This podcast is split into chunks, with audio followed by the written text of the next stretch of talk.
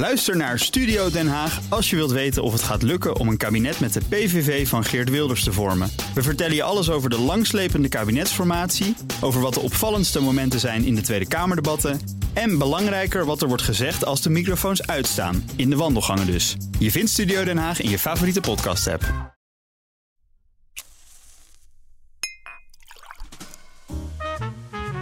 De Stijlpastoor. Arno Kantelberg. Stijl is niet altijd even makkelijk, maar je hoeft het niet alleen te doen. De Stijlpastoor is er voor jou. Ik neem je mee langs herenakkers op zoek naar het allerbeste dat Nederland te bieden heeft. Van horloges tot parfum, van de perfecte handgemaakte laars tot het scherpst gesneden maatpak. Wat draag je, wat drink je en hoe doe je dat? Samen, beste Nederlandse man, komen we er wel.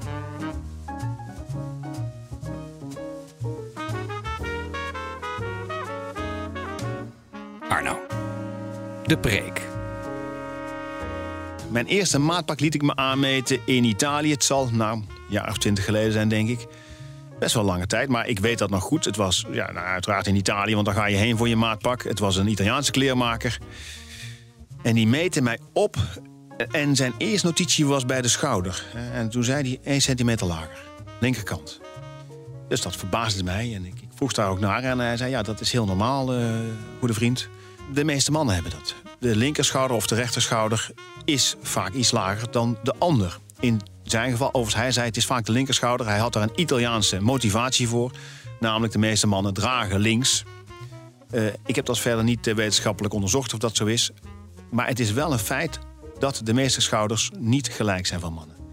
En daarom, zei hij, heb je een maatjasje nodig, een maatpak. Want wat doet dat? Zo'n jasje met een, die niet op maat gemaakt is, die gaat een beetje uit het lood staan. Dus je hebt ruimte tussen je nek en het revers van het jasje. En het gekke is, hij heeft een maatpak voor me gemaakt, maatjasje. Als je dat weet, ga je het zien. Zoals Cruijff zei, als je het door hebt, ga je het zien. Als je het eenmaal ziet, kun je het ook niet meer ontzien. En dat is de luxe, dat zijn de gouden handboeien van een maatpak. Je kunt eigenlijk niet meer terug. Dat is als het drinken van een mooie whisky. Dan is daarna de Euroshopper variant is niet meer te doen. Die wil je niet meer. Maar goed, tegelijkertijd het genot van in een maatpak stappen, ja, dat wil ik graag. En ik denk een beetje, maar goed, hier spreekt de stijlpastoor, dat het, en dit is ook, valt een beetje onder mijn missie, om de stijl over het Nederlands landschap te verspreiden. Ik zou ze het gunnen. Dus hebben het ook misschien wel een beetje nodig. Maar goed, waar, waar, haal je dat maatpak? Waar ga je heen? Waar kijk je naar? Waar let je op? Welke keuzes maak je? Nou, je hoeft er niet voor naar Italië. Je kunt hier gewoon in Nederland terecht. En ik weet zelfs waar de beste kleermaker zit. Dat is namelijk Arthur Peuten. Toekoer, kan ik kort over zijn. Hij is de man die ons antwoord gaat geven op de vraag... wat we voor maatpak moeten hebben, waarom we dat moeten hebben... en waarom dat voelt, want dat is wat ik voel. Als ik in dat maatpak stap, dan stap ik in textiel geluk, textiel genot. En daarom gaan wij nu naar Arthur toe.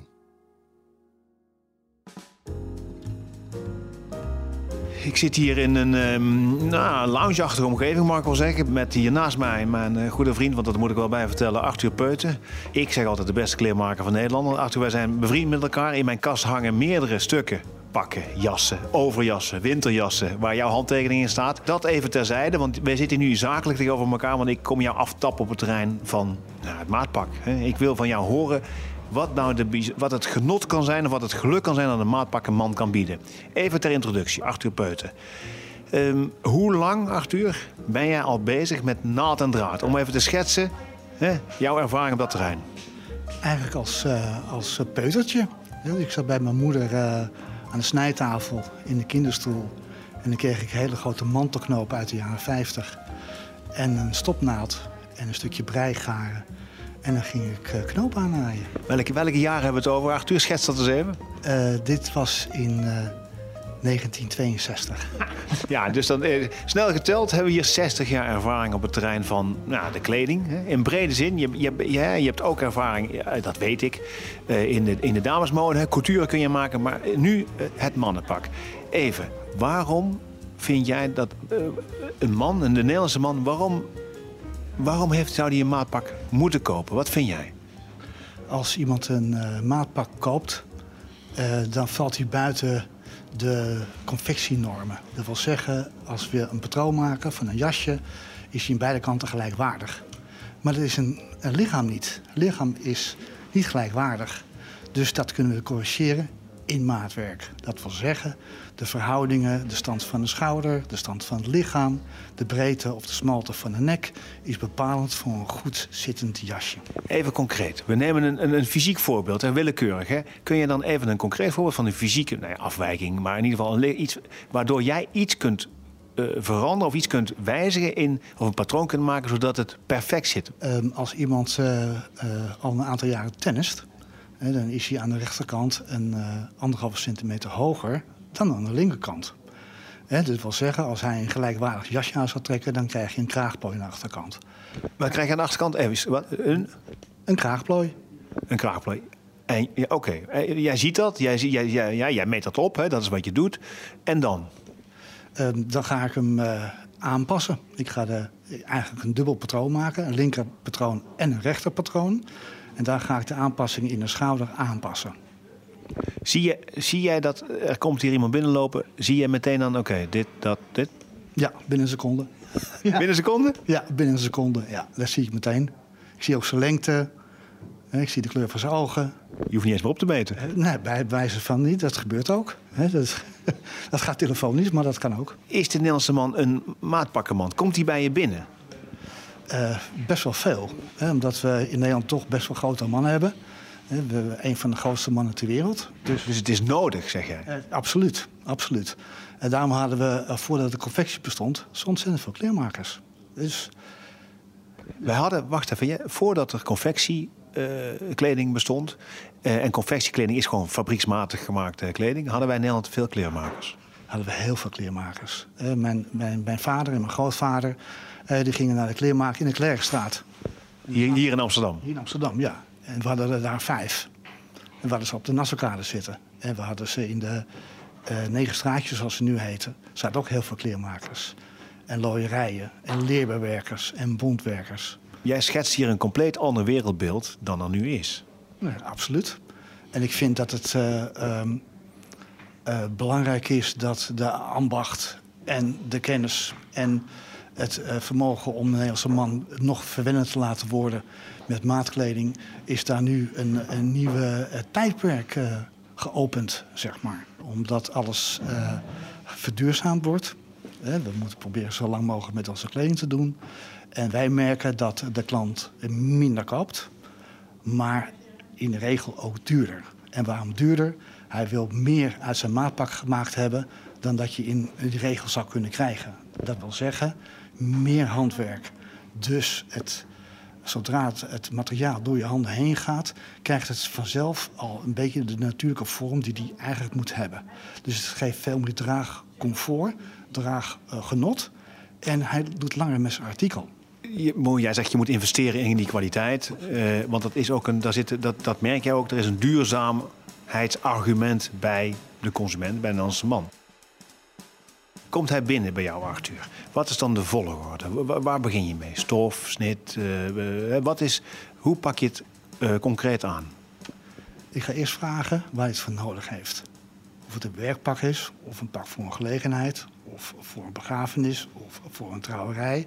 Dat is voor mij heel erg belangrijk. Ik heb het nodig voor mijn werk. Ik kom bij jou, ik zeg ik heb een pak nodig voor mijn werk. En dan? Uh, dan ga ik uh, vragen van God, uh, hoeveel pak heb je in je kast hangen? Ja. Wat voor kleur vind je het leukst? En wat voor functie bedien je? Wat voor werk doe je? Hè? Wat voor uitstraling wil je hebben?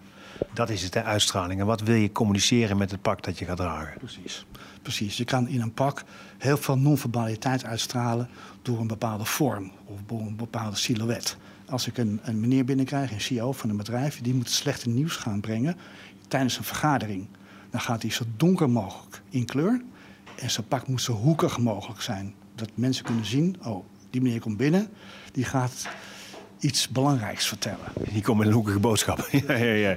Nu ben ik, ik ben lang en ik hou een beetje vol ook nog slank. Hou je daar rekening mee? Absoluut. Uh, door, door hoe smaller de revers wordt, hoe langer je wordt. Als je de, de, de lengte breekt door iets in de breedte te plaatsen, zou, je de, de, zou ik adviseren om die revers breder te maken. Maar die keuze ligt bij de klant. Ik geef advies. Ik zeg niet wat hij moet doen.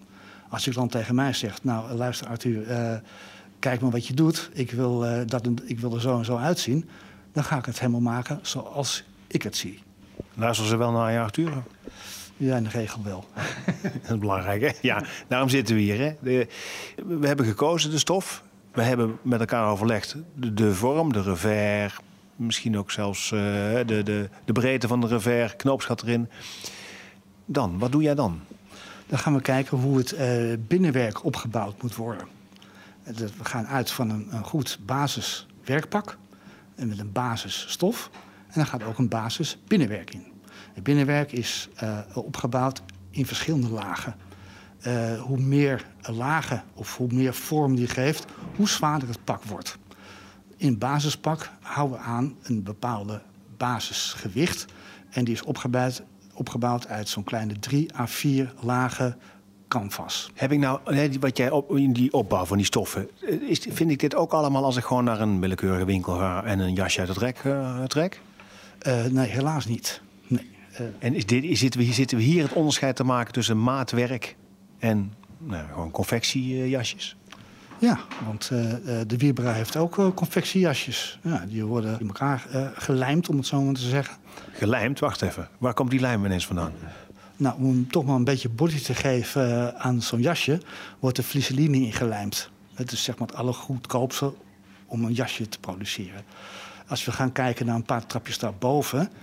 heb je ook paardenhaar met een lijmlaag... die je direct op de buitenstof lijmt waardoor uh, het een beetje een, een stijver geheel wordt. Uh, dat heeft te maken met puur met prijs en hoe snel je een artikel wil maken. Achter, we zitten hier in de lounge. Kun je me even terugnemen naar de winkel? Gaan we even kijken bij Auger uh, in de Pees Hoofdstraat. Even de jasjes echt van dichtbij bestuderen.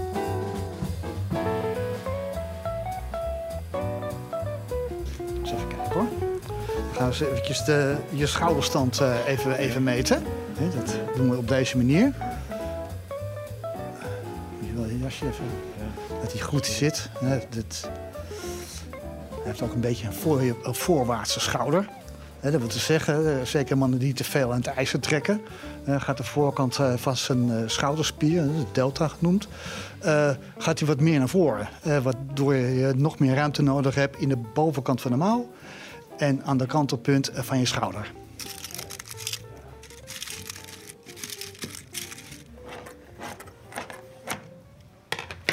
Je hebt me wel eens verteld, de moeilijkste bouw om te kleden is de sportschool, is de bodybuilder. Ja, dat zijn de bodybuilders. We hebben samen met mijn collega ook een keer de massa gehad om de grootste bodybuilder ter wereld in te meten. Onze, onze Oliver Richter. De Dutch Giant. De Dutch Giant, 2,18 meter heeft Ja. En hij uh, heeft een, uh, een, een, schouderpositie van 58 centimeter. Ik heb uh, 42. Dan heb je een beetje idee uh, van hoe groot die meneer is. En toen ik hem moest inmeten, moest ik op de stoel gaan staan. ja. Hoeveel heb ik trouwens? Wat is mijn schouderpositie? Uh, volgens mij zat je op 47 uit mijn hoofd. Ja, ja ik zit net onder de Dutch Giant. Ja? zie jij, als jij iemand ziet lopen in een jasje dat gelijmd is, zie jij dat? Uh, ja, ook weer in een seconde. Ja, ja, ja. Want dat staat stijver, dat, dat, dat, dat valt denk ik niet mooi dan. Ja. Het, het, het jasje volgt het lichaam niet. He, de, de, vormen kan je in een gelijmpak niet zo goed sinueren als in een handgemaakt pak. Hebben we hier niet de kern eigenlijk van het verhaal? van een maatpak, het jasje volgt het lichaam. Absoluut. En dat geldt ook voor de broek. Het is, ik heb het idee dat ik ook bij een anatomische les zit, uh, Arthur. Uh, dit is ook een van de onderbouw die je nodig hebt in ons vak. Ik heb het vier jaar uh, gedaan, anatomie. Ja. Ja, ja, dat wist ik trouwens niet. Je hebt echt vier, je hebt echt vier anatomie gestudeerd? Uh, ja, en ik heb, ik heb les gehad van een hele beroemde kunstenaar zelfs. Bij de zonneschilders op de Gelderse Kade. Maarten Krabbe, dus de vader van Jeroen Krabbe. Daar heb ik les van gehad. Ja, allemaal om die vorm van het lichaam te, te, te, kunnen grijpen, als het ware. Nou, in, ons vak, in ons vak is de belangrijkste item is de manier van vorm. Kan ik de vorm die ik zie, kan ik, die, kan ik die vertalen in een patroon. Kan ik ook als leek herkennen wanneer iemand een maatpak aan heeft? Um, ik denk het wel. Als je op bepaalde items wordt gewezen, of, of het jasje van de kraag aan de achterkant, dus aan de achterkant van, van zijn nek, als het jasje afstaat, dat wil zeggen dat hij niet goed aanstaat in zijn hals, is al meteen een herkenningspunt dat hij geen kleermaker heeft.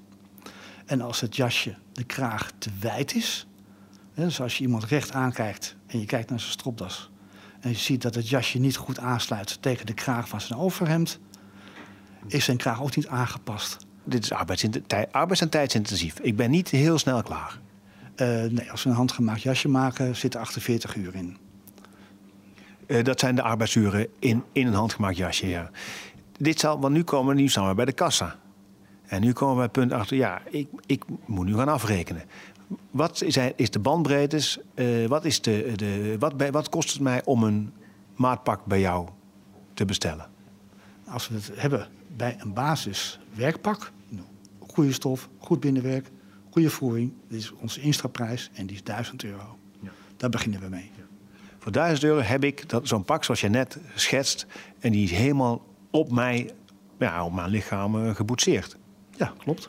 klopt. Dus in principe, want dat gooi je natuurlijk wel vaak. Maatpak is te duur voor me, kan ik niet betalen. Weet je. Dat valt eigenlijk dus best wel mee. Ja, 1000, 1000 euro is natuurlijk best wel een hoop geld hè, voor, voor een pak. En als je een, een standaard pak, kan je ook een heel mooi pak voor 75 euro kopen. Maar als iemand gewoon wat langer ermee wil doen en dat hij goed zit. En uh, je gaat kijken, god, we liggen in de allermooiste en duurste winkel van Nederland. In de duurste straat van Nederland. Vind ik 1000 euro uh, een laagdrempelige prijs. Laat ik het daarop houden.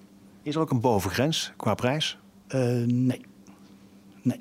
Nee. nee. Ik, het ligt natuurlijk helemaal aan uh, wat voor buitenmateriaal we gaan gebruiken. En hoe de stof. Ja, dus de stof. En als je gaat kijken, uh, als iemand dat kan betalen, heeft hij meestal ook een buitenspoorgemaat. Uh, waarbij het risico ingedekt moet worden dat we die stof niet meteen gaan snijden. Maar we gaan eerst van een soort met gelijk gewicht stof gaan we een try-out maken. Een twaal of een talina of een, ja, een, een, zeg maar een, een fitting waar ik kan kijken om het patroon goed te controleren. Uh, als we op die manier gaan werken, uh, dan uh, als we dan een hele mooie Vicuña stof gaan gebruiken en we laten het maken, dan sta je ongeveer zo'n 148.000 euro op achterstand.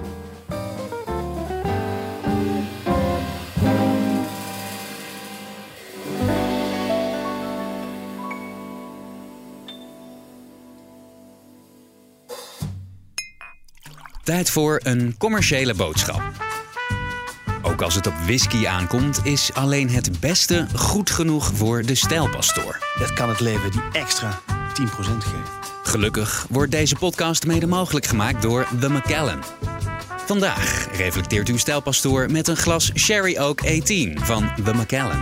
Oh, grote klas.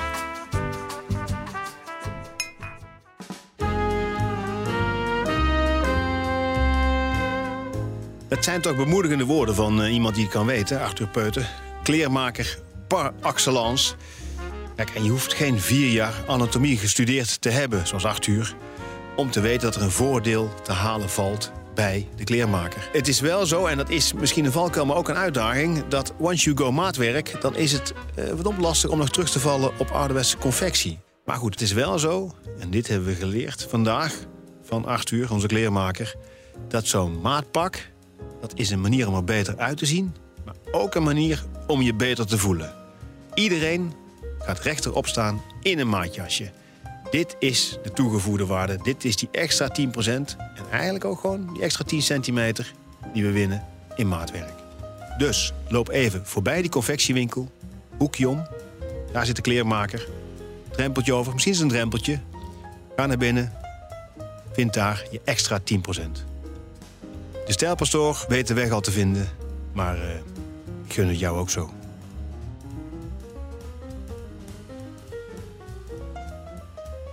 Tot zover de Stijlpastoor. Abonneer je op deze podcast en mis geen aflevering.